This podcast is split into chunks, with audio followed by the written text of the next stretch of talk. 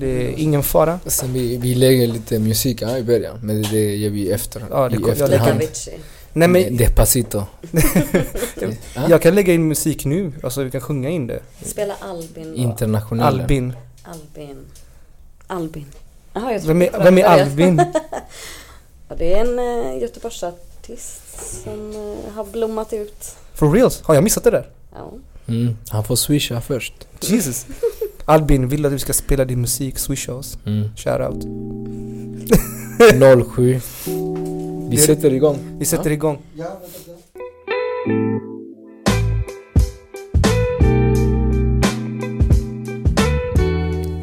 Ladies and gentlemen, välkommen till dagens avsnitt av tredje rummet.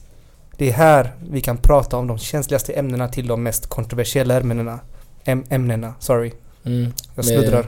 Det, det här det händer. Snälla ta mig inte på gatan polisen för att jag sluddrar.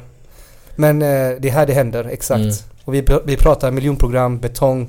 Vi pratar om ämnen som inte är så bekväma för det fina rummet. Det är Mm. därför vi tar det till tredje rummet. För det är här man ska prata om det.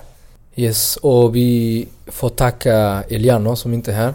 Elianos är Eh. inte med oss idag. Ljudtekniker för tredje rummet. Han är 12, 12 år gammal. Rest in peace brother. Ja. Men nej men han är i Stockholm nu. Va, Ja. Vad händer med honom? Är det tjejer eller? Eller är Ja. det familj? Ey, jag tror det är en tjej. Oh, Det måste vara en tjej. Varför Mm. åker han till Stockholm? Okej, rest in peace.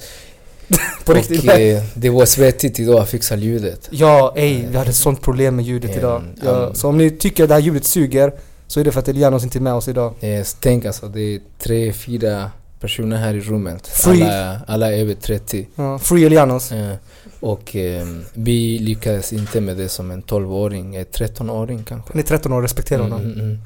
Kan fixa. Men innan vi kör 15 igång, minuter. jag tänkte vi måste ändå dra våra sponsorer också. Ja, det är klart. Eh, Ehm, och vi har ju en av våra sponsorer som är dagens gäst idag, Daniela Mm. Antunes. Men vi kommer komma till det, jag ska inte presentera det i Yes. förväg. Dagens avsnitt, det är sponsrat av ortenstore.se. Mm, mm, Ortenkläder, autentiska, av orten, för orten. Mm, mm. Äkta känner äkta. Alltid. Sen har vi Artletics med bästa Ernesto Escobar. Yes, alltså disciplin, Disciplin, ära, hjärtat. kriga och hjärta. Alltså Mm. om ni vill se riktiga atletiska moves, gå in på hans Instagram. Alltså han gör sjuka saker. Ja, det, det är helt galet. Jag överdriver eh, inte, han står på händerna och han kan göra push-ups utan att nudda fötterna på golvet. Alltså förstår ni vad jag menar? Mm, mm, mm. Visualisera detta, blunda och tänk på det. Ja, men det, det är galet. Om, om ni vill se som, som Vin Diesel så... Athletics. En boliviansk Vin Diesel. mm. Det hade varit fett faktiskt. ja, men, film. ja, men jag tänker vi, vi kan komma tillbaka till det och prata lite mer om Athletics och, Mm. och Ernesto. Men sen har vi också Pablo Mattias med Ah. sin hemsida. Mm, paolomatias.se med ett T. Eh, som .com. paolomatias.com. .com är T som Teta Mattias. Mm. paolomatias.com. Mm. Inte Escobar, Pablo Mattias. Vad sa jag då? Ja? Sa, sa inte jag det? Nej, jag tänker för att folk associerar oftast till dig i Sverige. vet. För att det går denna serie på Netflix. Ah, Pablo Escobar. ja, han är, Ah, det är därför. Nej, nej. Paolo Matias, han delar inte drugs utan han delar eh, videoproduktion. video. Mm. Han eh, är en av de bästa videoproducenter jag känner. Han är jätteduktig teknisk och eh, flexibel och mångsidig i sitt arbete. Så om ni vill ha riktigt feta videos, Mm, eller coaching också. Eller coaching. Mm, kontakta pablomatias.com. så är det. Mm. Boom! Det var våra sponsorer. Men apropå sponsorer, vi har ju grundaren för orten står här. Tack så jättemycket för att du ville komma Daniela. Tack för att jag fick komma. Mm. Fan vad Ey. fett. Det här, ey, du har sponsrat oss med kläder som har tagit sig ända in i riksdagen så ey, det är stort det ni gör alltså. Skitfett. Ja, verkligen. Eh, hur kom ni på idén med orten står ens? Oh.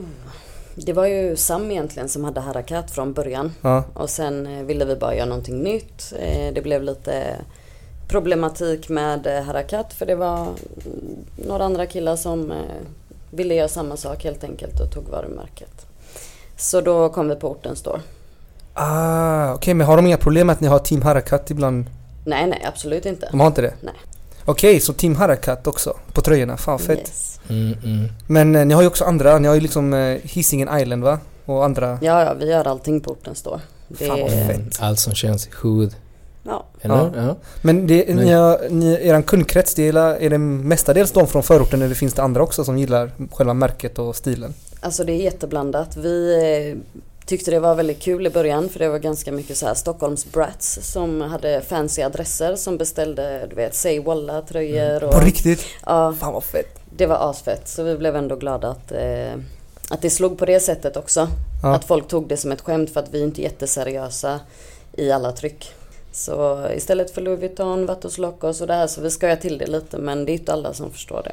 Ja, det, det är nice. Det finns en, en, en Mm. ironi i, i den Ja men precis, vi ville skoja liksom. Mm. Vi vill inte att det ska vara orten på ett negativt sätt Mm, utan mm, vi mm. vill ändå få det till att det är orten på ett kul sätt Ja, liksom. med humor. Mm. Yes, Jag, har ju, jag känner dig sen Mm. innan. Jag Mm. känner Daniela sen innan så att alla i publiken vet.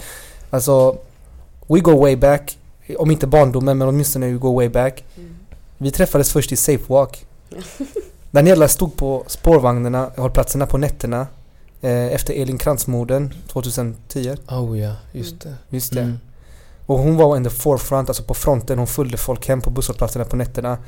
Och det var så coolt att se det inspirerade. Du vet, som jag och vi och joinade. Och det var en särskild, Mm. alltså speciell känsla. Mm. Och jag, det var, sen dess har jag lä- lärt känna dig. Liksom du, du är typ aktivist ända in i fingerspetsarna ibland. Alltså du, du har hjälpt till exakt överallt där det behövs hjälp. Eh, hur kommer det sig att du, har, du känner det där liksom, att du gör de här grejerna? Alltså det är, det är väl det som driver mig framåt, att kunna hjälpa andra. Alltså jag tror på ganska enkla saker och jag tror ganska mycket på karma också. Jag tror att gör du bra saker så kommer du få bra saker tillbaka. Sen såklart, jag har en dotter som växer upp i vårt samhälle och kan vi vara med och påverka så måste vi det liksom. För vi sätter ju också, eller liksom vi lägger ju vägen för hur våra barn ska ha det.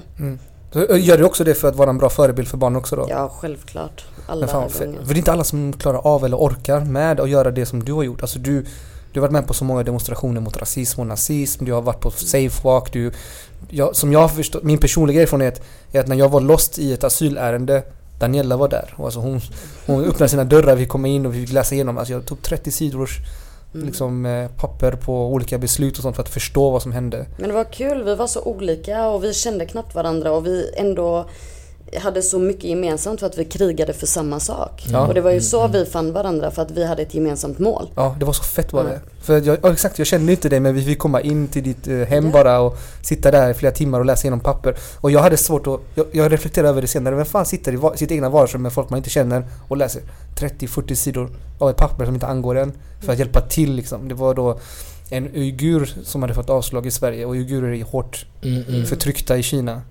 En muslimsk grupp liksom.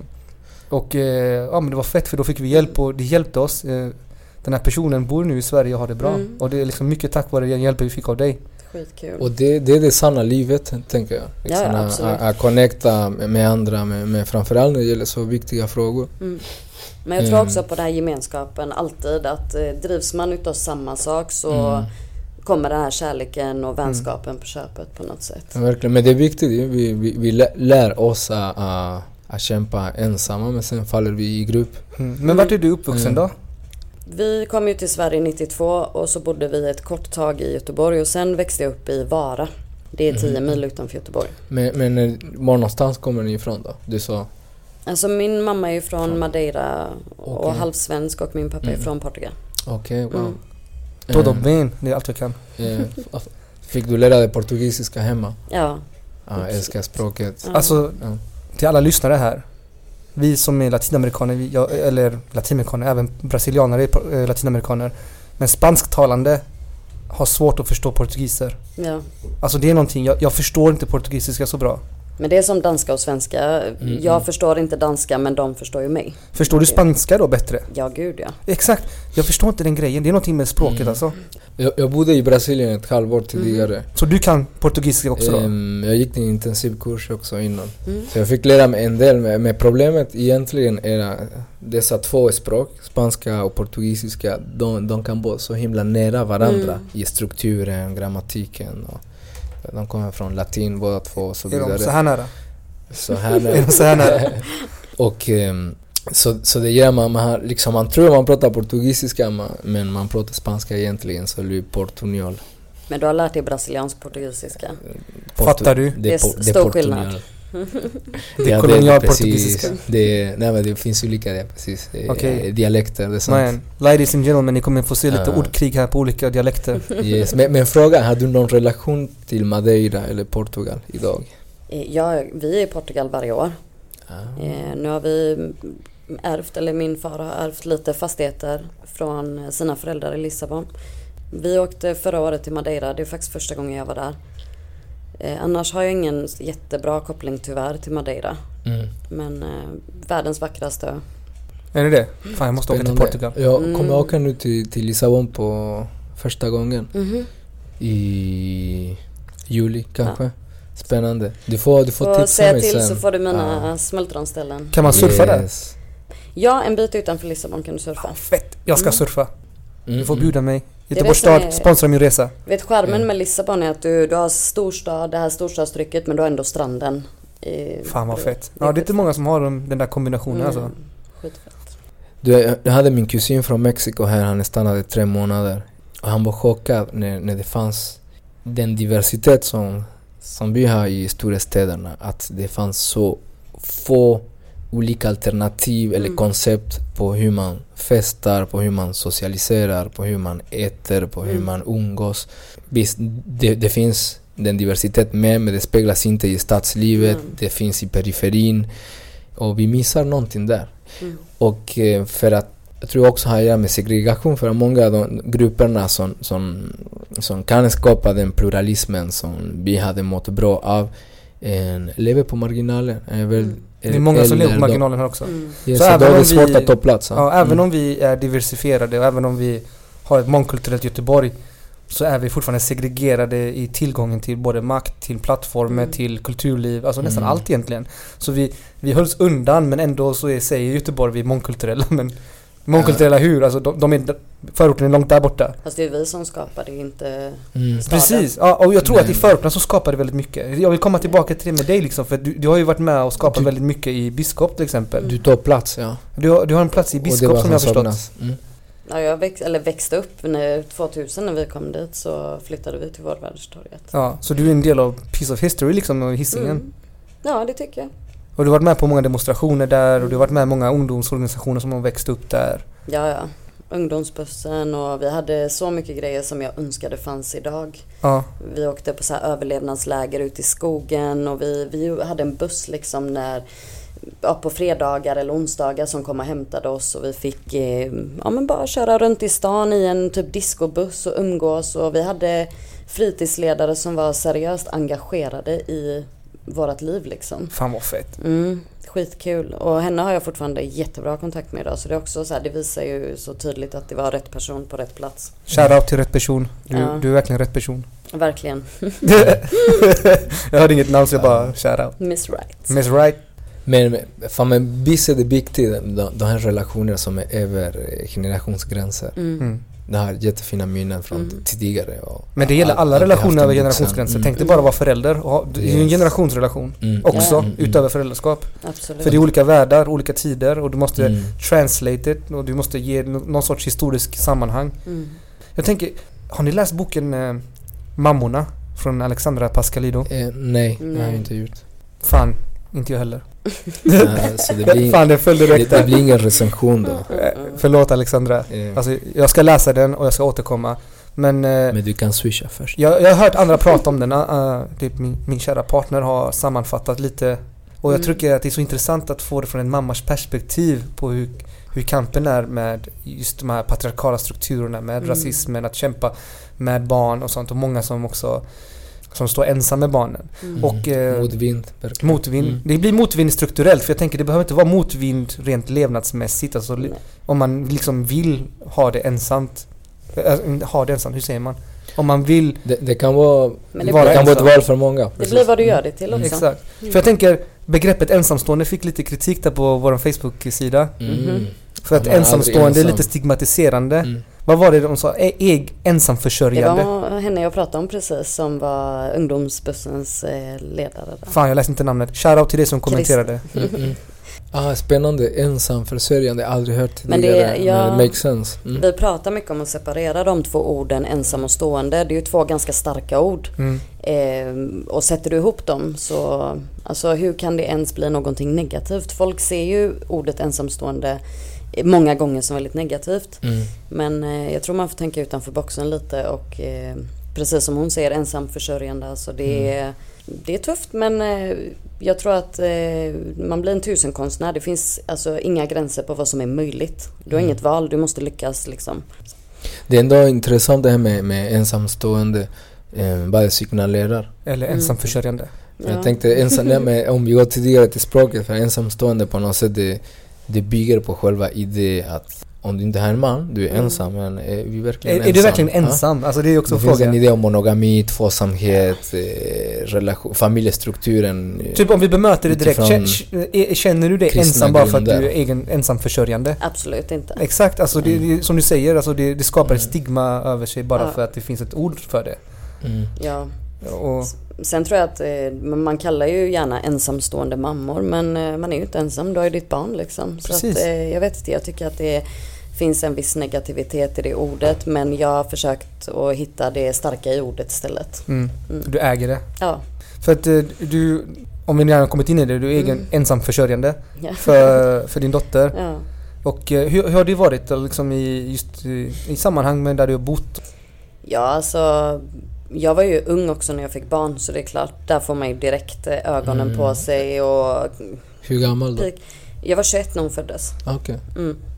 Men vad har folk Kanske liksom ung i den svenska kontexten, ja. Mm. Ja men nej det var väldigt mycket du vet typ när man skulle lämna på dagis och andra föräldrar var ju ja men kanske i 30-35 års åldern du vet och vissa de visste mycket väl att det där var min dotter och de bara "Haha, är det din lilla syster? Och jag kände Holy liksom shit. men ja okej men jag är bättre mamma än vad du är liksom så du kanske ska gå hem och Exakt, fuck er. Ja men det var mycket sånt och sen tror jag också du vet när man är från en förort och så är man själv med ett barn. Det blir direkt mycket fördomar. Hur ska hon lyckas? Hur ska hennes barn Oh, ja. lyckas? Och Mm, hur ska mm, det här gå? Fan, jag har, jobbat, jag har jobbat som chef sedan jag var 23 år gammal. Jag har högre inkomst än de flesta jag känner. Jag har liksom alltid haft eh, lägenhet, bil, körkort, alla förutsättningar som finns. Så jag har aldrig riktigt förstått varför folk tvivlar eller undrar hur, hur ska det gå för henne? Word, word. Men det Mm. låter pratande, absolut. Det, det, Mm. Men det finns jättehå- snäva normer. Alltså Ja. tänk dig Eh, oss bara. Alltså, Yes, vi alla blev föräldrar ganska unga. ja, jag blev det också när jag var 25, 22. du är Mm. 22. Men jag tror att i, i vår kontext så är inte det ovanligt men i Sverige, exakt man ska typ vara Mm, halvt dö innan man får barn för att man ska tänka på karriär, man ska tjäna rätt pengar, man ska ha rätt kvadratmeter. Ska träffa den rätta. Ja, alltså shit och sen och så ska de döma andra innan liksom Ja. bara aha. Och det, som, det som är intressant i det är att det finns en, en idé om lycka. Mm. Du vet, om lycka. Om att lyckas också. Och eh, det finns också en idé om ålder och progression. Mm. Det finns, det finns ingen... eh, För mig det existerar inte en sådan progression som är associerad till din ålder. Mm. En, hade du liksom... Många som, som sagt väntar på att göra karriär först och kanske skaffa barn när de är 35-40. Många blir fantastiska föräldrar men många blir aldrig det. Mm. Eh, men då det finns en idé om att desto äldre kanske du mer är du mognare. Och det är en myt. Ja, fan jag ser så mycket trötta föräldrar i 40-årsåldern. De har ju ingen Mm. energi över till sina barn. Jag var ju pigg som 17 när jag var 21 Du är pigg liksom. nu, det är det ja, jag ville säga. Alltså, du, men- Jag har aldrig sett dig trött. Jo, åh. Jo, Eller men alltså jag menar, du, du har den här energin i Ja. dig. Alltså jag, typ när jag ser trött ut, Mm. då ser det ut som att jag har överlevt Vietnamkriget. Alltså jag typ såhär posttraumatiskt stresssyndrom och jag bara vill ligga ner och dö. Men du är alltid på be- benen, även när du är Ja. trött. Uh, Ja, Nu ska inte jag försöka romantisera tröttheten på det sättet. eh, men det är också en del utav det här att... eh, Föräldraskapet. Ja, att vara förälder och Mm. särskilt när du lever själv med ett barn. Alltså du har inget val. Det finns ingen Det- stund du, du har inte tid att vara mm, trött. mm. Du har inte tid att vara sjuk, du har inte tid, alltså du har inte tid med så jättemycket. Utan, eh, Men sen är det också problem med män. Jag tror att som man också så är man lite mer benägen att tycka synd om sig själv. ja gud. Det, men kanske, kan, vi, kan vi prata lite om det? Alltså för hur, Förnekelse. Förnekelsen hos män. hur, hur har du känt över det liksom? För att jag tror att det finns ju Det finns många ensamma mammor. Ja, Eller så måste hantera Mm. också när man har skilt sig med män som också tycker synd om sig själva över sin situation och sånt. Ja, det hade jag kunnat prata länge om men eh, jag vet inte alltså jag, jag har haft väldigt mycket hat i mig under väldigt många år. Men jag känner att eh, jag har kommit så långt i mig själv att om eh, människor, killar eller män eller vad du nu vill kalla det, vill de tycka synd om sig själva så ja, synd för dig. Det är ju din livskvalitet som försämras, inte Mm. min. Jag, Pojkar. Ja men, ja, De har, pojkar. de har inte växt upp. Sketungar. Mm. Det, då får de väl leva där i sin bittra bubbla då. Jag tänker att eh, väljer man att ta del utav det så får man ju skylla sig själv också. Ja, alltså jag har upplevt att många, många så kallade män fortfarande är i ett pojkstad när det gäller just den här ansvarskänslan. Och jag har reflekterat över det om de inte har lärt sig ta hand om andra relation. Jag vet inte om det har med individu- individualismen att göra eller om det har... Det har ju säkert också en patriarkal historia att göra. Det har det Ja. definitivt. Men jag vet det här med att bry sig om sig själv för mycket. Det finns inte en enda orsak, det är det enda jag är säker på. Men Ja. det, det finns många aspekter. Jag, jag tror delvis eh, det finns eh, en idé om manlighet Mm. som, som har skadat oss, eller många av oss. Mm. I alla fall det har drabbat mig också. Jag också. Eh, Alltså när, jag, när vi fick mitt mm. första barn. Alltså jag tyckte så synd om mig själv. Och det, var ett, det tog ett tag för mig att fatta att det handlar inte ens om mig det här. Nej. Och jag har inget val. Varför, jag fick ju barn och nu har jag ett barn och jag har ett ansvar här. Men vi pratade om det ett par avsnitt ba- tillbaka också. Att Mm. vet, när jag var påfrestande i sig. Alltså utöver att min partner fick barn så fick hon också hantera mina jävla skitsnack Mm. som att ja men barnet vill vara med dig för du är mamman. Du Men- får ta barnet. Alltså Jag ska tror- gå ut. Typ så här helt Ja, sjuka det, grejer. Det, det är samma. Mm. Det är väldigt Mm. mycket som män inte förstår också för att vi kvinnor vi bär barnet i nio månader, vi får en annan relation. Men det finns ju också saker som vi inte förstår att ni har inte den relationen naturligt till barnet. Vi har ju burit dem, eller hur? Ja. Och sen föder vi dem, våra kroppar förändras, det är hormoner, det är you name it, allting förändras. Ni ser inte den delen, men vi ser ju inte heller den delen hos er, att ni inte har ja, men hunnit knyta de här banden och så vidare. Så jag tror att man får försöka att eh, se varandra lite mer bara. men kommunicera och, kanske. Ja, nej men inte bara det utan tänk, s- s- ja, sätt dig i någon annans skor helt enkelt. Mm. Och- Det är fråga om empati. En, jag tänkte också det, grundläggande empati. Ja, men Ja. vi, vi, vi kanske är inte en sån... Det känns ändå som de manlighetsnormer som finns främjar inte en, en utvecklad empati. Mm. De har svårt för det. Jag tror inte, alltså, de här Mm. samhällsidealen som skapas. Det här Mm. med manlighetsideologin är också väldigt skadlig på det sättet. Mm. Om vad en man ska eller Mm. bör eller hur och när. Och där tror jag feminismen har en väldigt viktig roll. Att Ja. dekonstruera den manliga idealet liksom. Mm. Men jag tänker, det var inte, det var inte så att den man, feministiska analysen slog på mig. Men det var ju genom samtal, det var ju lite kriser. Där, man, Mm. där jag fick liksom speglas av min partner om hur jag betedde mig nästan som samma ålder som vårt spädbarn. När det gäller liksom i självumkan. Skillnaden var att min, vårt barn behövde faktiskt någon som Mm. hjälpte och det gör inte jag. Och det var ganska intressant för att den ångesten som slog mig. Jag tänker mig att den där ångesten kanske inte är många som heller tål. Jag tror att vi är väldigt dåliga på att hantera känslor också. Mm. I samhället överlag. Men- Och särskilt män. Mm. Jo men det handlar om kriser också. Det, det finns livskriser som vi- vissa kommer med ålder, andra, andra stimuleras fram en viss situation, livssituation. Och eh, det här är en sådan situation som, som sätter på spel väldigt mycket. Det är en påtaglig för, förändring för alltid. Om du vill ta Men det är det jag menar med den att positionen. ni är inte mm, förberedda på samma sätt som vi är. mm. Så det, det finns ändå en förståelse i att män kan reagera väldigt starkt när de blir pappor för att de, de har inte, ja men ni bygger inte det här bo på samma sätt som vi kvinnor gör när vi är gravida och ja men man är mer, du fattar att jag ska få ett barn liksom. Din kropp förändras inte och du, du går inte igenom de här känslorna, du känner ju inte barnet sparka och så vidare och så vidare. Så jag tror att det är mycket det också som gör att det blir en krock. Mm. Att ni inte, ni har inte knutit de banden riktigt liksom. Nej, alltså det, det, här är inte heller, det här är inte heller en populär grej att säga. Det är Mm. många som förväntar sig att man ska säga att barnafödseln var den viktigaste dagen i ens liv. Mm. Men det var exakt det jag kände att jag kände inte det här barnet och jag kände ingenting under förlossningen. Det var kul, jag älskade vi, Vio. Jag Mm. stöttade henne. Men jag kände inte barnet. Nej. Och det är så många som känner att det är fel att jag säger det men det var så jag kände. Mm, olika processer Jag, också. jag, kan Men- inte, jag kan inte ljuga om vad jag känner och, och se och leva upp till idealet om den goda föräldern att ah, men det Mm. var den bästa dagen i mitt liv och jag kände kärlek direkt. För det gjorde jag inte. Däremot genom månaderna när jag Mm. fick ta ansvar för barnet Mm. eh, då började jag älska min son. Jag, där, Fan vad coolt, han gör det här, oh my god, han växer och typ, man ser nya saker Mm. och där börjar relationen formas liksom. Mm. Mm, mm. Vänta parentes för de som inte känner Jose. Han är bästa pappa som jag Mm. känner eh, bland mina kompisar. Men vi är en grupp av kompisar, det, det känns, det, det, det, väldigt, det finns en väldigt aktiv föräldraskap. Och eh, så ni inte får konstiga bilder av Jose. Hej, Mm. jag tror Men- inte på att det finns en bästa pappa Ja, heller så att nej. alla hör det. Jag, bästa pappa för din son. det. Ja. jag hoppas det. Jag, jag gör mitt bästa. Men Mm. Om, jag, om jag får en hatlåt i hiphop-version någon gång så då förstår ni. Jag gjorde fel. Något, något fel hände. Men, men du har offrat... Jag Ja. backar dig, det. Ja, men du har offrat väldigt mycket för föräldraskapet. Jag verkligen ser hur du Ja, sliter och Men folk ser ju inte det som händer Mm. bakom kulisserna Mm. du vet. Det är att vi har ju gått igenom flera kriser. Mm. Mm. Och jag tänker framförallt på min roll som pappa, att jag har gått igenom vissa kriser och många av de kriserna har ju varit, har haft att göra med mitt ego. Mm. Att ställa mig själv inför min självömkan och om den faktiskt har något värde i relation till vilket ansvar jag har. Efter det här med, jag fick höra om Alexandra Pascalidos eh, bok om mammorna, alltså den Mm. smärta de får bära för sina barn. Mm. Man tänkte bära sin mans eh, smärtor också och, Vi- och självömkan. Alltså, hur, hur mycket Ja. ansvar måste man ta egentligen? Ah, vilket är Mm. the case, alltså det är Ja. antagligen det mest återkommande. Hur var det, Det- för dig då? Det, det, ja, jag tänkte ju säga det, det är en av anledningarna till att jag valde att eh, leva ensam, givetvis. Mm. Mitt ego var så stort att jag sabbade en relation som inte gick att reparera längre Mm. trots eh, att den andra personen ehm, gjorde sitt bästa. Mm. Det, mitt ego var, var större än det. Mm. Större än kärlek. Det är därför jag känner inte jag har råd att eh, misslyckas som, som pappa. Mm. Men, men det finns också många aspekter. Jag tänker att det finns eh, många normer, många idéer som, som inte hjälper.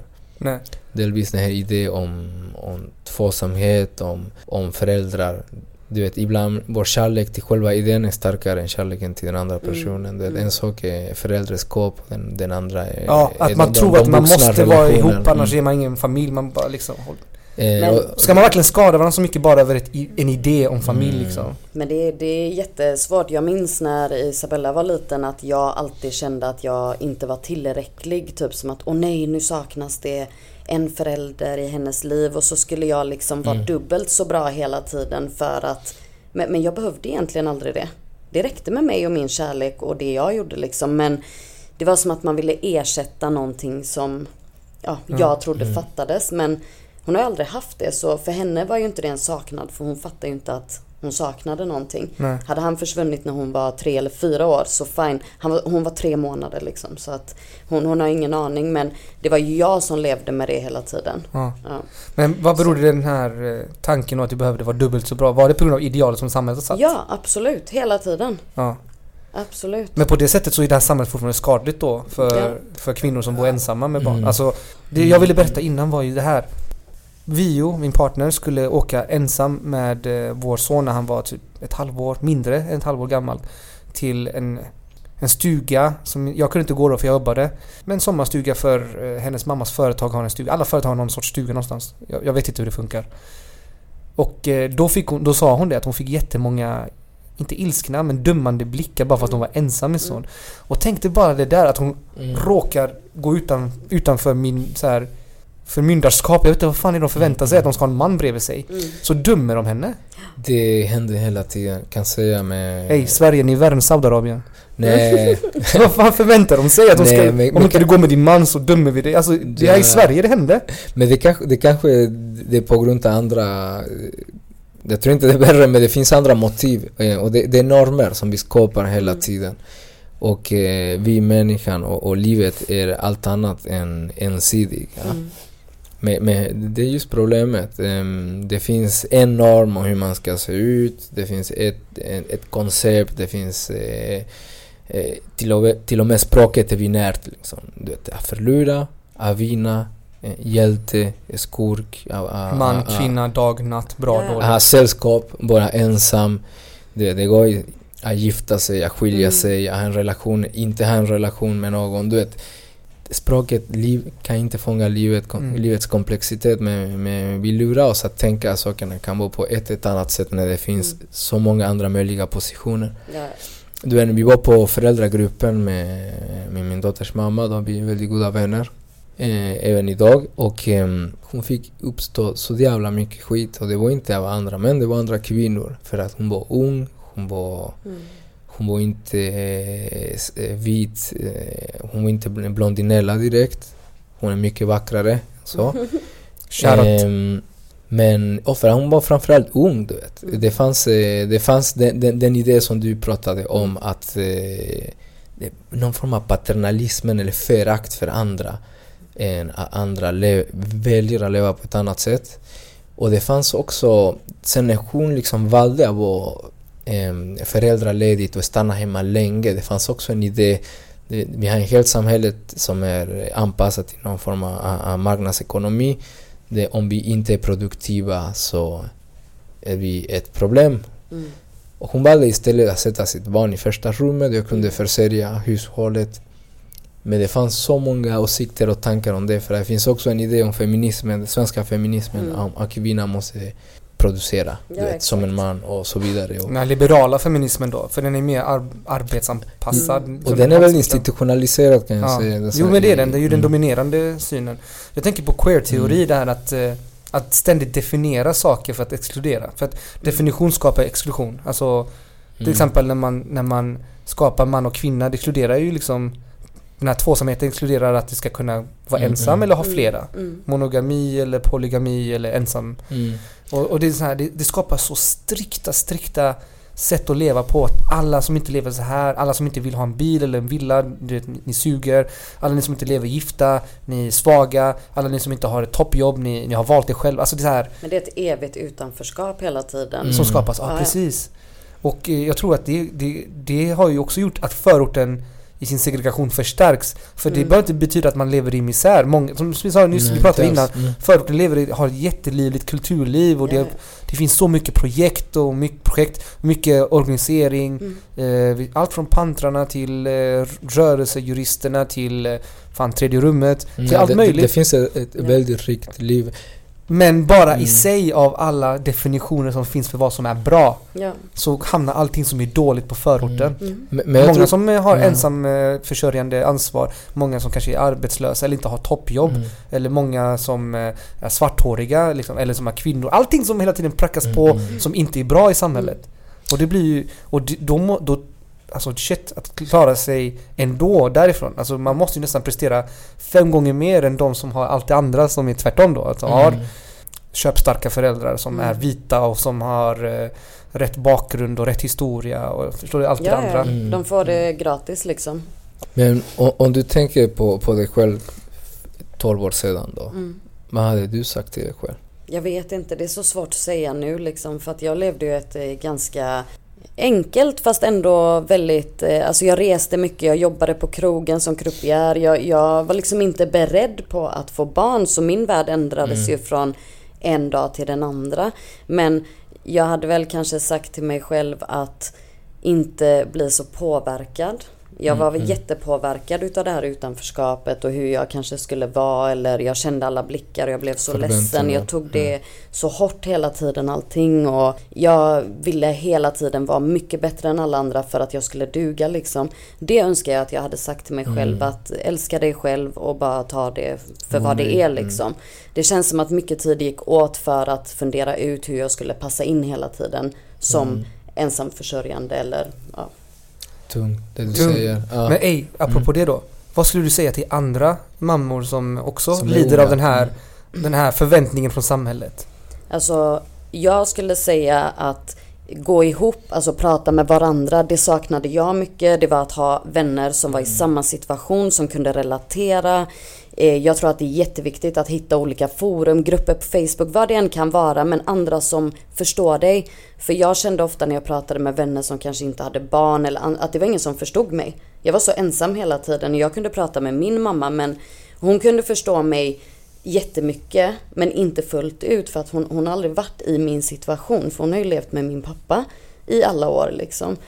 Så att det är mitt starka råd är eh, prata om vad ni känner men hitta någon som känner som du typ. Eller liksom att man vågar prata I om liknande det. situation. Ja. Precis. Ja. Återigen kollektivet. Ja. Kollektivet Mm. är viktigt Ja alltså. men det är så Mm. viktigt. Du- Och särskilt när man är ung också för att man har kanske inte kommit så långt i du vet den här processen med att acceptera vissa grejer och sig själv och sitt utseende. Alltså det är så mycket saker i den åldern där runt 2021 så jag tror att Ja, man ska absolut inte påverkas av vad andra tycker för att eh, det tar så mycket energi från ditt föräldraskap, från, från dig, från dig, Mm, vem mm, du mm, är mm. liksom.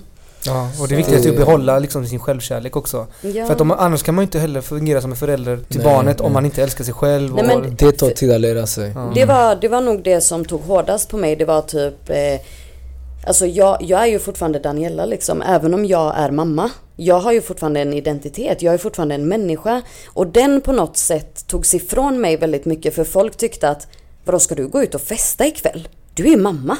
Nej men vänta lite nu, jag är Daniela också. Vadå jag får väl gå ut och dansa med mina väninnor om jag vill.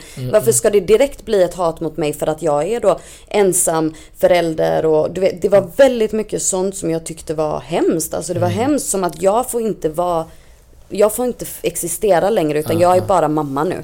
Det är så intressant för att det, det kopplar jag väldigt hårt till den här idén om mar- martyrskap. Mm. Som är väldigt närvarande i, i religion överhuvudtaget. Eh, Min närmaste erfarenhet är katolicismen. Eh, Ja, min också.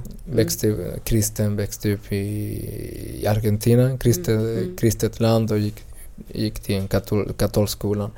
Och det är någonting som jag känner igen hos mina föräldrar som är världens bästa. Jag älskar dem väldigt mycket. Men det finns också den idé min mamma också. Och gud vad hon kritiserade mig. För För att det finns en idé om att eh, om du har barn, du ska, du ska inte roa dig, du ska Nej. inte vara lycklig, du ska inte vara glad, du ska... Du vet.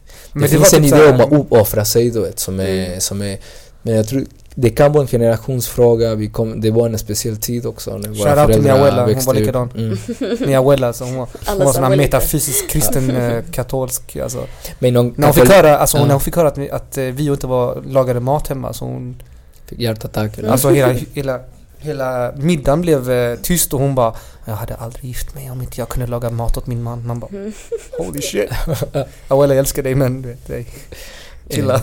Fast det, det är inte så vanligt idag ändå. Eller? Nej nej, det är min mormor Ja, från Chile liksom, som Mm. har överlevt diktaturen. Hon, liksom, hon kom ut därifrån ännu mer troende. Ja, men, Ja. men det finns också du vet, en idé om ehm, inom katolicismen, jag tror säkert många andra religioner att det är en, att livet inte är nu. Du vet, det, här är, det här är en passage, Mm. en övergång till, Mm. till något annat, till det riktiga livet och därför du ska offra dig. Är inte du troende? Ja. Är inte du troende?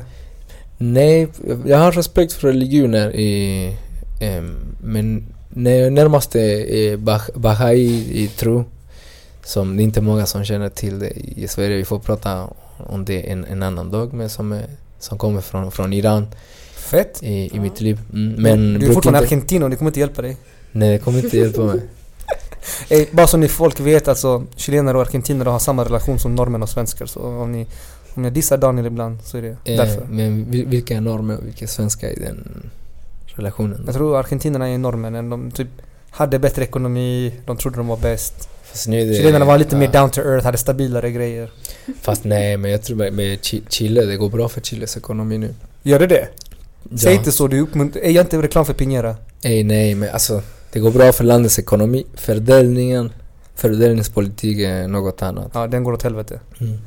Men eh, Portugal har en av de mest progressiva reformerna i världen vad gäller liksom Och narkotika narkotika till exempel Mm. och social rättvisa nu.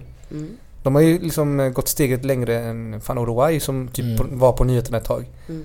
Eh, där ser man ju också droger som, eh, som en form av sjukdom, inte som en, ett kriminellt beteende. Exakt. Alltså Portugal ligger jättemycket i framkant när det gäller sin drogpolitik. Mm. Mm. Det är jättemånga länder som kollar på Portugal just nu och tar efter. Inte Sverige.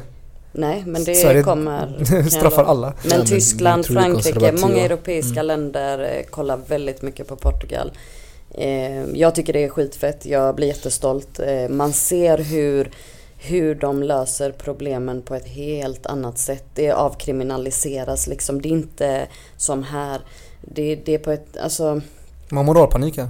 Ja men det var... åh, I alla avseenden, alltså, oavsett fråga. Verkligen. Ja. Det, det, det är ett stort problem för Sverige. Men det Mm. läs om det när ni har tid för det är skitintressant hur Portugal faktiskt har lyckats få Mm. ner eh, ja, men sina liksom procent på mm, både aids-smittningar och det ena och det andra Mm. genom att eh, typ dela ut rena sprutor. De har sådana här maskiner. Där Man du säger ofta så här dödligheten eh, Ja. minskar. Men även missbruket har Mm. minskat. Ja, För de har ju absolut. gett social hjälp istället ja, för ja. straff. Ja, ja. Här slår man, Mm. alltså om vi, om vi ska symbolisera sjukhussängen och en batong. Alltså batongen är straffet och sjukhussängen är hjälpen då. Ja, I. Sverige är det batongen som Ja, gäller. ja. Det, alltså Jag det är tänker- hjälpen och batongen, det är det som är problemet. Ja. Mm. Så det, Mm. det, Nej men Det Sverige är det bara batong. ja, men Ja men det är ju hjälpen i Sverige är ju batongen. Ja, Ja. precis, ja precis. Det, Men även om, om det finns hjälp, säger du, det, det finns ändå tillgång till, till psykosocial och till Mm. medicinsk Mm. eh, stöd i Sverige. Men om det följer med en batong så det, det är större sannolikhet, sannolikhet att, du inte, att du inte söker den hjälpen. Nej det är klart, du ligger med Mm. handbojor i sjukhussängen. Varför? Det hjälper inte dig så Ja. mycket liksom. Ja, men, men problemet är just att det stigmatiseras, att det kan leda till en anmälan. Men, men det finns sekretess ändå inom sjukvården så Mm. jag tror de är ändå väldigt nu, nuga och ganska duktiga med det. Med, med, Mm. Men ändå det kan hända. att- Fan Sverige, lär er någon gång. Varför kan inte ni lära er? Är det, Mm.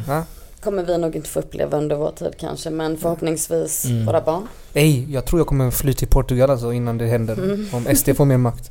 Du har ju Mm. skattefri pension i Portugal. Har vi det? Ja, om du det är finns vissa ja. förmåner, ja precis. Men fuck, men ej. Ja, Om, om de får makt tills den, det, alltså när jag Det får de pensionerar mig. Tror du inte det? Nej, Mm. aldrig. Vad, det- vad tror du kommer hända? Alltså de har ändå växt. Ja, men jag tror de har växt klart nu faktiskt. Tror du det? Ja. Mm, jag tror också jag har en känsla. Det, Alltså de här små som det kommer går nu. nedförsbacke nu. Ja, jag tror också det. Alltså, Mm. jag tror att eh, när, när det var val också, förra valet, så trodde folk att det skulle gå mycket bättre för SD än vad det faktiskt gjorde.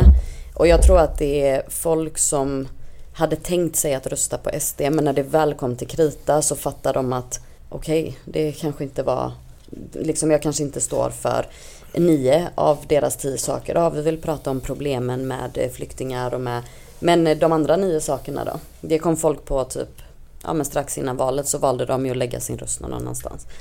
Jag, Moderaterna typ. ja, typ. Ja, men det är galet. Eh, På tal om det. Hoppas att de som lyssnar haft en bra första maj. Vi var ju på Mm. Kungälv för att demonstrera mot nazisterna för Ah, de har ju fan, försökt nice. appropriera första maj du vet. Med. Men det är en av de finaste, jag ska inte säga allt Får jag för det var följa för med mycket. nästa gång? Jag vill kasta så här pissballonger på dem. Vi, vi har massa kreativa idéer. Jag tänker eh, Daniela var, var riktigt tung var hon. Alltså hon var sån king, queen, allt möjligt. Farao. När jag kom eh, till Daniela då för att ta ut våra sponsrade t-shirtar då för den här showen. Mm.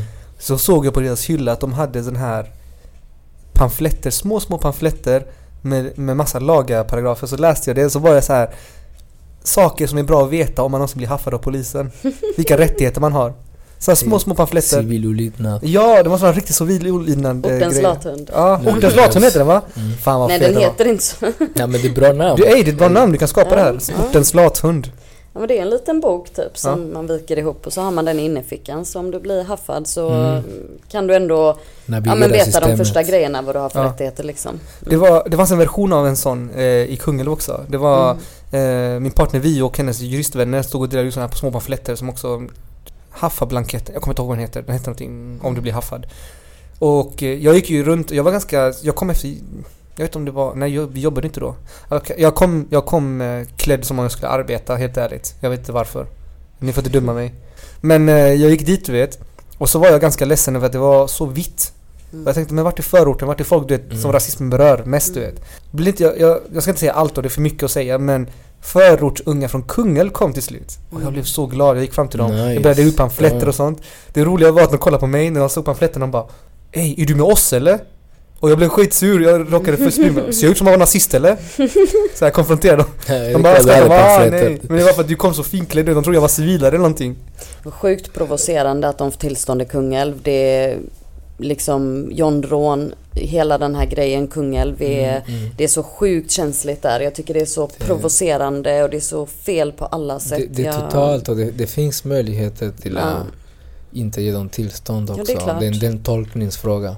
Verkligen. Absolut. Eh, och det ändå, det, det enda som jag är tacksam för, inte tacksam för men eh, som jag kan se en fördel är att makten är mer transparent än någonsin för. Mm. Du vet, tidigare vi kunde inte se makten på grund av att den, den gömmer sig bakom fina ord som Mm. eh, neutralitet, objektivitet, ordning och reda Jimmy Åkesson. Och så vidare. Exakt. Nej men nu, kan- nu kan vi se på, på ett Slips, annat sätt. Ja, För att är Slips glasögon, Ja. så här svärmorsdröm och så. Då kan man inte vara rasist. Ja, liksom du har idé om professionalismen. Men till om, alla lyssnare som försöker förstå Daniel Terres abstraktioner här. För Men det- Daniel, det är Daniel du, abstrakt, ja. du är proffs på abstraktion. Jo men makt, Ja, ja. säg att det är maktens språk, Precis. det är ganska abstrakt. Men jag, jag har ett Ja, ja. exempel. Till exempel när Uppdrag granskning eh, undersökte skottlossningen i Hisingen. Det var ju Mm, en sån mm. period. Det var mycket konflikter här. Då var det ju en kvinna som sa det i programmet att jag ska rösta på SD. Och Janne Josefsson frågade bara, är du rasist? Och det här är maktens, eh, när den döljer sig då, det är Mm. nej, jag kan inte vara rasist. Mm. Och men jag, jag kan rösta på SD. Jag är vän med en utlänning. Ja, typ Jag kan sånt inte där. vara rasist. Och det, det, det är något exempel på att försöka visualisera Yes, hur makten kan gömma sig. För det är ju ändå rasistiskt parti och det är rasistiska reformer de står för. Mm. Till och med alla reformer som kommit nyligen har ju köpts av SD för att kunna få vinna röster. Så de har ändå påverkat. Men Jimmy Åkesson Mm, hade hakkors på sina kläder 94, det är inte så länge sedan. Nej, nej, nej. Han har bara vattenkammat sig och köpt ett par Ray-Ban och fixat sig lite grann och nu Ja, ja. tror alla Jag att fixar han är tänderna. legit Ja, liksom. de, de är rassar, alltså Ja. på riktigt, hardcore rassar. det är Ja, de som är och har farliga. naziideologi. Ja, precis. Mm, mm. Men, Men, de, det där, men det är det med att makten Mm, gömmer mm. sig bakom språket. ja, men, men, Ja. Precis, men jag tänker, de, visst de är farliga men det finns andra som är även farligare. Jo men NMR och Mm. De, de är ju öppet nazister. De, Mm, de går ju ut med att de är det. De liksom, hur de går klädda, hur de har ett Absolut. visst sätt. Det, där, där har du det framför dig. Synlighet. Det, Du kan ta på det makten liksom. den, ja. den syns. Men det finns också Moderaterna, KD, det är så många, Ja, även gud, ja. till och med sossarna har anpassat en del Mm. av sin politik och sin, ehm, ja, sossarna finns eh, sitt språk till deras agenda för att bemöta dem. Du vet, det är ingen, du vet, alla, alla partierna har försökt bemöta dem genom att batongpolitik, Mm. en eh, migrationpolitik, de försökte använda deras retorik och, och göra liksom eh, migranterna, personer med utländsk bakgrund till de andra som ska civiliseras och, och, som, och göra de andra till ett problem. Mm. Det är ingen som har bemött eh, Sverigedemokraterna genom att säga okej, är ni rasister? Vi kommer att fokusera på en antirasistisk politik Mm. som är riktigt. Men jag lovar dig, alla som inte Yeah. är vita, blonda, blåögda hade nog lite ångest ändå i september förra året. Inför valet. Ja. Eller Oh, ja. det tror jag. jag hade, Det var- det var det var många som hade resväskan där. Ja men jo men jag tror att det var lite så på riktigt alltså.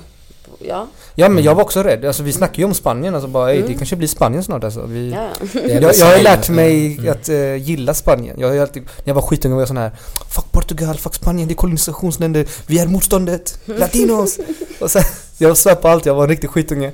Men sen har jag lärt mig uppskatta ändå att vi, vi delar ändå en historia nu och det är som det är och, och jag känner att när jag är i Spanien Alltså de behandlar mina barn bättre än vad fan Sverige gör. ja. Alltså de ser mina barn och det är liksom De ser Chebo, min son heter Chebo De kan säga namnet vid första återberättelsen. Jag säger Chebo Mm. en gång, de fattar det, de säger Mm. det. I Sverige, jag kan säga mitt namn i hundra år. De kan ha rest till Francos Spanien i flera decennier för att de älskar diktaturer som är fascister. De kan ändå inte säga José. José? Jo- José? De gör, det, de gör det med flit, jag vet att de gör det med, ni gör det med flit, fattar ni? känns det, du Nej. känns det. Fuck er. Kom igen. Jag är sur nu, jag är bitter. Nej men, det- men det, det är klart, det, det, ej, rasismen skapar trauman också. Mm. Man har en viss sensibilitet. Rasism skapar. PTSD bror. Ja, det finns det- studier på detta. mm. Alltså, Ja, Men, de som utsätts för mycket rasism, de får ju PTSD till slut. men det finns också positiva grejer. Det, det, det som du pratade, du, du ville snacka i september om att, flytta till Spanien. Jag har så många andra vänner och, och du vet, som, som börjar tänka i, liksom att fantisera.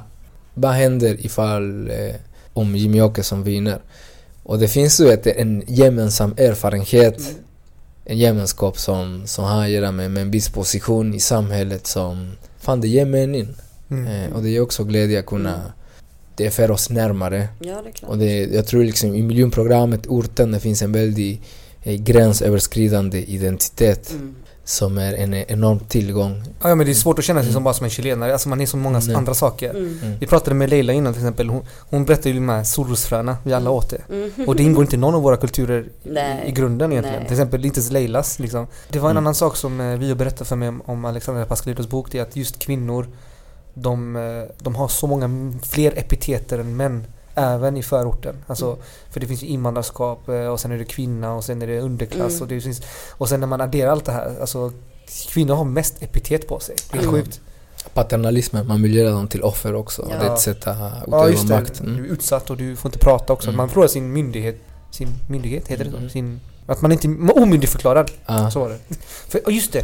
Assimilationskravet följer ju alla. Alltså, eh, jag tänker där finns det ju också en i, den feministiska analysen och i den antirasistiska analysen så finns assimilationskraven eh, på båda. Eh, och när jag tänkt på det är att man vill att kvinnor ska i stort sett bete sig som män ifall de vill ha samma respekt.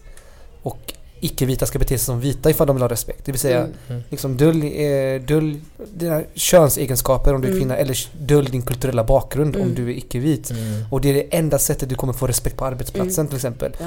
Prata inte som en kvinna eller prata inte som en invandrare. Jag tänker vi, vi anpassar oss, återanpassar oss, assimileras till, till olika miljöer hela tiden. Det, det, det är en naturlig eh, inslag i våra liv. Det blir ett problem dock när eh, vi måste utöva alldeles för mycket våld på våra egna identiteter för att passa in. Ja. Eh, På det sättet Och- tror jag också förorten är bra för man blandas mer än vad man ger upp sin egen. Det kan liksom. man assimileras då till förorten på något sätt. Inte assimileras, jag skulle nog kalla, jag skulle kalla det naturaliseras. Naturaliseras. För assimilera är ju att, är att glömma sin bakgrund. Mm. Och jag tror inte, typ Daniela, du har inte Mm. glömt din bakgrund bara för att du bor i förorten och blandas liksom. Nej, men jag bodde ju, eller jag är uppvuxen ute på landet i Vara. Oh shit. Där vi var typ de enda blattarna Alltså de hade sett. Det var ju som att eh, Oh, shit. var... Ja, ja, Lennart eh, i eh, kiosken frågade min mamma typ första gången hon kom in. Är ni från Arabien? Alltså det var på den nivån. Mm, båda. dumma. Mm. Det, det var på den nivån. Nu är det ganska många år sedan också. Nu är det väl lite bättre där. Men, men när jag flyttade till Biskopsgården från Vara. Alltså du, ni kan inte ens tänka er vilken det chock, stor eller? skillnad. Stor det var en kontrast. sån Mm. chock för att jag hade ju såklart anpassat mig ganska mycket efter Vara. Och det är ju en jättefin, rik kommun, bra skola, du vet. Och så kom jag till Ryaskolan på Varväderstorget. Första veckan brände de upp de här iso- ja, ljudisoleringsmattorna som hängde. Du vet, det var helt kaos. Och Jag var ju typ skräckslagen första veckan. Men sen när jag liksom lärde känna mina vänner, jag hittade mitt gäng, du vet. Då kände man andra saker som man inte tänkt på. Det här med att känna sig accepterad som man är. Typ att vi allihopa är så olika, vi har olika bakgrund. Men man hittade eh, sig själv väldigt mycket. Det gjorde jag aldrig i Vara. Det var precis som vi snackade om, att man, man vill gömma sin... Ja, man, man vill glömma... Ja, Assimilera sig nästan. Ja, men det, ja men typ. Ja, det, det är sant det du säger José. Det, det är skillnad mellan naturaliseras och assimileras. För assimileras det är också eh, eh, syftar på att man assimileras till Till någon som har makten egentligen. Man blir som precis. dem. Det Och det är det lite av kolonial. Mm. kolonialismens eh, huvudgren. Mm. Det är ju att ta den man våldför sig på och göra den till sig själv. Mm. Mm. Naturalisering är bara där man befinner sig så påverkas man. Alltså Mm. maten förändras, språket förändras, allting Ja, ja, förändras med. allting. Och det är naturligt. Eh, fan det har gått en timme nu och fan det har varit jätteintressant samtal verkligen med dig Daniela. Det är jätteintressanta idéer och, och eh, din kamp är väldigt intressant i sig för att ja men från vara till egenföretagare, chef men underbar dotter jag har träffat henne. Alltså eh, lika färgstark som sin mamma. Det är helt sjukt. Mm. Ja, Du är en av de- personlighet. Wow. Ja, du, har, du har en av de starkaste personligheterna jag känner och jag, jag har alltid uppskattat att vara din vän för att det känns som att då då, då är jag inte den som får stryk när du blir arg. Förstår Tack du? samma. jag, jag, fan, jag gråter Men, men, men, innan jag ens blir Nej. våldsam. men, men sista fråga. Så jag vet du är engagerad i många olika frågor och det finns en, eh, i dessa frågor det finns en lokal förankring. Där det är Mm. saker som du kan påverka och där eh, du, tar, du tar en egen agens. Mm. Du tar plats. Varför ska man engagera sig? Ja, varför ska man inte? Alltså, Bam. jag tycker Bom. det är så självklart. Men det är för att vi är medmänniskor liksom. Och antingen Ja. är du medmänniska eller så är du inte det. Men vi. Mm, vi mm. måste engagera oss. Det finns, ingen, alltså det finns inget utrymme för någonting annat. Utan vi måste det för att eh, det är så mycket som är fel. Om vi inte engagerar oss Mm, så mm, mm.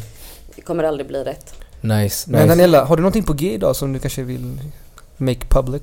Nej, nej, inte någonting jag vill make public i alla fall. Men eh, vi håller, eller Sam och hans kompis håller på att utveckla en app som kan bli asfet. De får inte säga vad det heter nu eller? Nej, tyvärr. Det får, du nu får Your lips in sen och kolla. Sam, Skitfet, den kan slå globalt, det kan bli ashäftigt. shoutout till Sam. Ja. Jag har försökt få med Sam hit men han, han vill inte. Det, Han han. Mm. han leker svår. Ja, men det finns vissa som, som trivs. I mikrofonen, andra bakom kulisserna och så Ja. vidare. Om vi, om vi la ett beat, han Mm. kanske kan rappa fram sina, sina tankar. Mm. ja. Han är rappare också. Ja, men han är en duktig designer. Verkligen. Ja, det är han. Ehm, Han är grym på det han gör verkligen. Mm. Och han är så jävla engagerad och ja, vi blir ju, eh, vi tillsammans blir ju så engagerade så vi inte vet vad vi ska ta vägen ibland. Ja, ey, ni två tillsammans är en storm alltså. Shit. Ja, men, men man måste brinna. ja det måste för att leva. Ja, absolut. Mm. Och eh, med, för alla lyssnare, lyssna på Daniela. Antingen man engagerar sig för eh, sina medmänniskor och visar solidaritet, sparkar uppåt, aldrig nedåt, Mm. eller så är man en liten lort. Liten lort. Var får du det ifrån? Jag har alltid hört dig säga det. Ja. Ah. Astrid Lindgren. Ja. Mm. Ah, nu fattar jag. Jag kommer ihåg det när jag sa det. Mm. Ey, vi borde prata mer om litteratur. Fuck men. Mm. Mm, nej. Nej, finns alla pratar om olika saker. Eh, Men jag det- tycker, att, jag tycker att ni män borde påverka varandra lite mera för att eh, det känns i en viss ålder så hetsar man varandra hela tiden men dina tankar om hur du faktiskt kan erkänna hur du liksom eh, gjorde dig själv till martyr när du blev pappa och så. Alltså, jag tror att män behöver påverka varandra lite mer. Vi kvinnor har nog kommit lite längre i det här med att du vet girl power. Vi måste Mm. embracea, vi måste du vet höja varandra, allt det här. Det känns som att eh, boys will be boys liksom. De hetsar varandra istället för att lära Mm. ut det här. Eh, Och det, och det är väldigt sant. Alltså det, Mm. jag, jag, jag har sett väldigt få grupper där män kommer till, eh, tillsammans och pratar progressivt om vissa frågor. mm, Vi har ju skapat en daddy group som Mm. är, eh, mm. som är, vad heter den här? Vad, vad heter Black Coffee? Vad är det de är? Separatistisk Separatistisk grupp. Varför tänkte jag på Black Coffee? grupp. Wi- Wifi free. Ja, precis. Eh, separatistisk grupp där kvinnor inte får vara med. Men mest är för att vi ska lära oss vara pappor Mm. tillsammans. Mm. Och där diskuterar vi på ett väldigt hälsosamt sätt våra Mm. faderskap. Och det, det, är den enda gruppen jag har varit med om där det faktiskt sker. Mm. Och, och antagligen det är det som är problemet. Det finns så få sådana grupper. Ja, men det är så viktigt. Alltså jag vet så många som jag bara hade velat bjuda med er som behöver det här i sitt liv. Du vet, jag tror att det är en osäkerhet som skapar det men också att många inte faktiskt tar sig tiden att hitta Mm. sådana forum där man kan ha den här, eller det utbytet av varandra för att ja, det behövs. Boom. Yes, Det men är ja, men, exakt så det är. Mm. Eh, Vi behöver varandra, det, det är väl så. Mm. Ja, exakt. Om, om vi behöver Mm. varandra så ska vi fan inte misshandla varandra psykiskt eller fysiskt. Eller hur? Men jag tror att det är det många gör för att de är liksom så jävla rädda för att växa Jag upp. tror vi är tränade för det liksom, det har vi alla gjort. Ja. Jag tycker bara folks, Mm. folk ska, du vet, eh, oss. Mind your own business. Folk är väldigt eh, dummande mot varandra och Mm. de liksom pratar så mycket om hur alla gör fel. Men Ja. se efter ditt eget Ja. först och så kan du kritisera sen. Och jag tror det, yes. Det var det bästa. Mm. Alltså jag tycker vi kan sluta sådär. Det var... yes. Fan Mm. Daniela, tack så jättemycket att du deltog. Det var riktigt fett. Jag hoppas du kommer tillbaka någon dag. Ja, absolut. Och till er där ute, peace out.